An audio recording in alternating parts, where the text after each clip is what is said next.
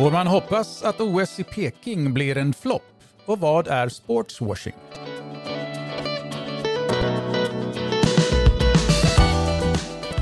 Välkommen till Hoppas jag stör med Rickard Jensen. Ja, de två frågorna. Får man hoppas att OS i Peking blir en flopp och vad är sportswashing? Det ska vi försöka svara på den här torsdagen. Det är när den här kommer ut i eten och du kan lyssna på den för första gången. Så är det den 3 februari. Det betyder att igår, den 2 februari, fortsatt, fortfarande med utgångspunkt ifrån den 3 februari, så startade de första tävlingarna i Kina, i Peking, i den olympiad som vi hoppas att vi får njuta av om man nu tycker om sport. Annars kan det bli ganska besvärligt. Det är tre veckor nämligen med intensiv sportbevakning. Nu ligger Kina på andra sidan jordklotet, vilket betyder att alla de bra, alla de viktiga företeelserna som typ eh, finaler och sådär, de sker när vi behöver sova som bäst. Så att mm, det är inte lätt att få till det här. Två frågor. Får man hoppas att det blir en flopp?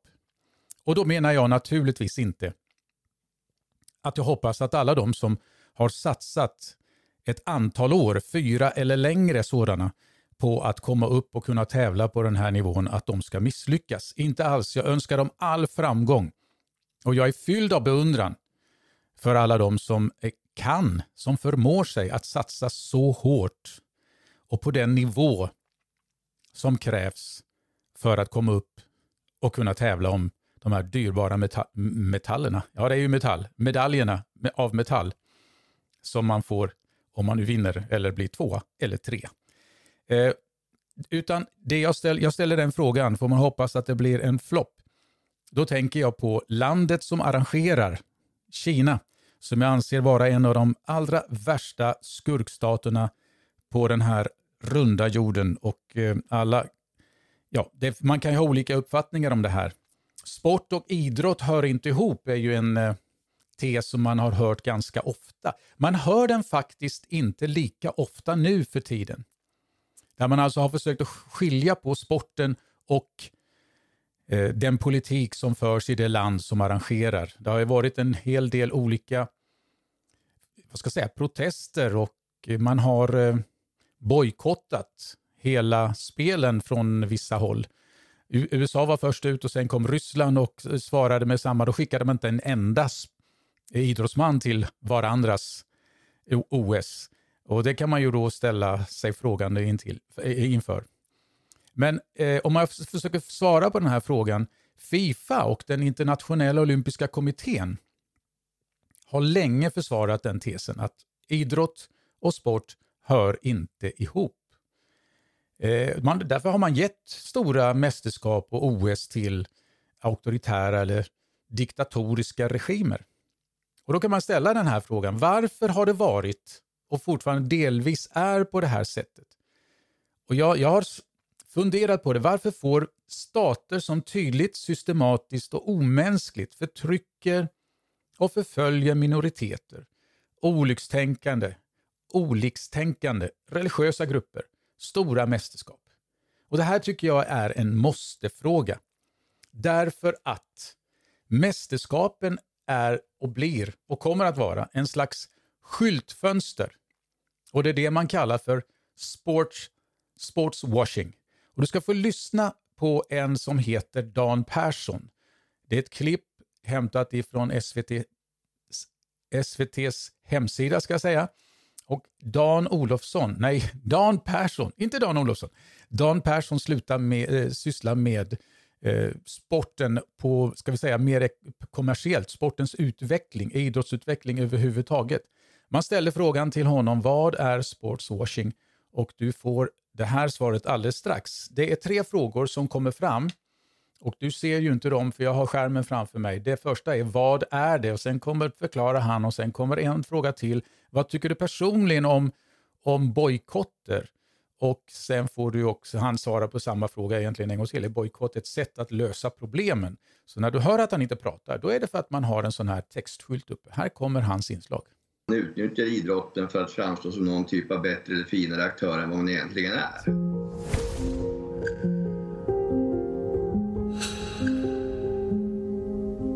det är när man behöver utnyttja den emotionella relationen som människor har till idrotten för att förbättra sitt eget varumärke.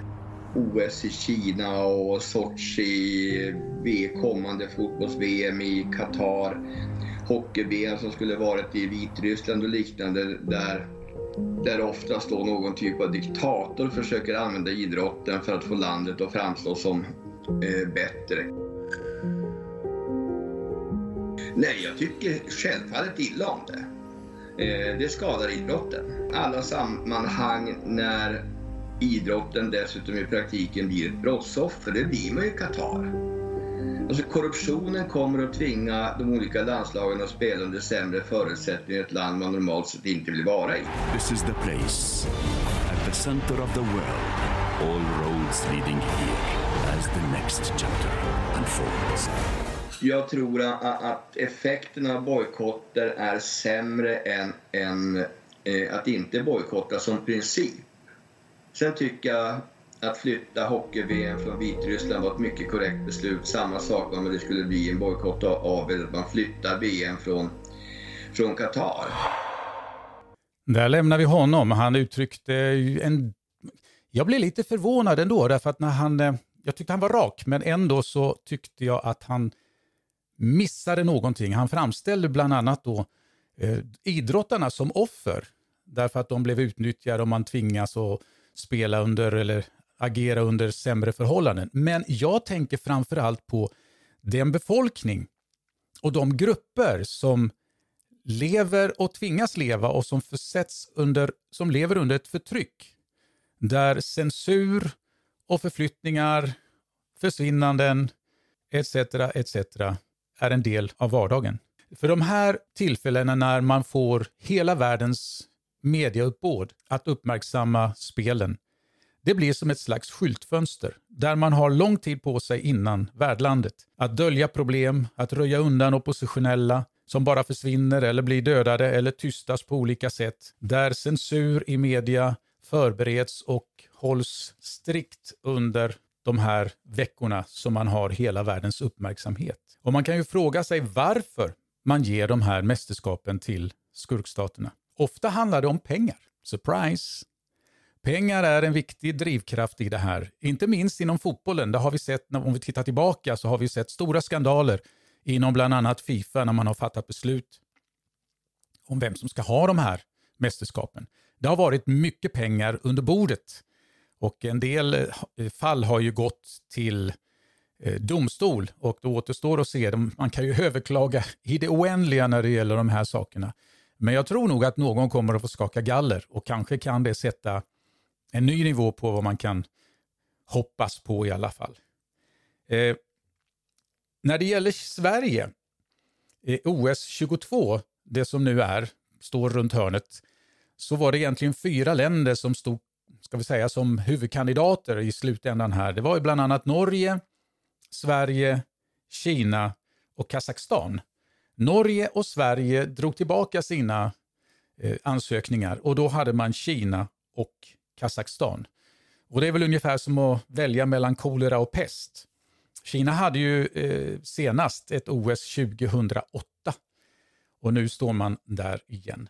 Qatar som kommer att få fotbolls-VM, eller som arrangerar fotbolls-VM senare i sommar, eh, beskriver sig själv som en absolut monarki. Och när man tittar på Qatar så ser man att pengar, och det i samband med det här fönstret, skyltfönstret som jag talar om, sportswashing, Eh, pengar spelar en stor roll därför att man, är, man äger Paris, fotbollslaget, och man är global partner till Barcelona. Och det är ju inte lätt för fotbollsklubbar och organisationer om ägaren till en storklubb eller flera storklubbar, och det här finns ju i England också, om ägarna ska säga, nagelfaras, vad händer då med fotbollen? Så det är flera bottnar i det här. Man kan tycka att det borde finnas tillräckligt mycket kurage, mod hos de här som fördelar de olika tävlingarna. OS, ishockey-VM och fotbolls-VM. Ishockey-VM togs ju från Vitryssland, som det hette på den tiden. Just med tanke på det som, de eh, mänskliga rättigheterna eller kanske snarare avsaknad, avsaknad av de eh, mänskliga rättigheterna. Några eh, nationen har reagerat nu för att kunna peka på det orimliga att de här länderna och nu speciellt då Peking som arrangerar OS 2022. För att markera så kommer USA, Australien, Storbritannien och Kanada och möjligtvis några fler, vi vet inte riktigt. De kommer att genomföra en diplomatisk bojkott, det vill säga de skickar ingen diplomatisk personal till de här länderna. Sverige säger också nej till att skicka diplomatisk, diplomatisk personal, men då anger man inte de mänskliga rättigheterna eller den situationen i Kina överlag som eh, anledning, utan man säger att det är på grund av, och det är alltså idrottsministern Anders Ygeman som säger det, det är på grund av situationen med covid-19 i hela världen. Och, alltså det här med att det blir en flopp, Peking, det, det finns ju faktiskt en risk. Och det är för att covid-19, kan man isolera covid-19, viruset, coronaviruset, kan man isolera det utan att det bryter ut på bred basis i, bland de tävlande? Det är den stora frågan och det är där jag också tror att det kan bli åtminstone, om inte helt en bluff eller en flopp. Men jag tror att det kan bli stora svårigheter och kinesiska staten har varit väldigt, väldigt restriktiv. Då får man sitta i någon slags husarrest, ensam och alena. Så det kan blåsa där också. Ja, det är mycket som man skulle kunna eh, ta upp i det här sammanhanget. Jag har en stor fråga. Jag har en önskan framför allt och det är att i framtiden så ska inga stater som inte uppfyller de grundläggande mänskliga rättigheter som världen mer eller mindre har enats om, de ska inte få det här skyltfönstret. De ska inte få möjligheten att försöka få oss att glömma det som egentligen pågår i de här linjerna eh, i de här länderna. Jag hoppas att du kan hålla med mig om detta. Eh, idrott, och, idrott och politik för mig hör, till, hör ihop. Det går inte att skilja dem åt. Det är för mycket som står på spel. Det är för mycket rampljus som, som tänds och, och lyser upp det som i själva verket är en fasad. Om du tycker att jag pratar för mycket om det här, om du tycker att jag har fel, får du gärna skriva till mig. Jag heter, vi har alltså en e-mailadress som heter hoppasjagstor gmail.com. Hoppas jag stor gmail.com. Nog om detta när det gäller Peking och OS. Nu vill jag säga någonting om det som kommer. Det här är ett, en kort variant, en kort, ett kort avsnitt av Hoppas jag stör.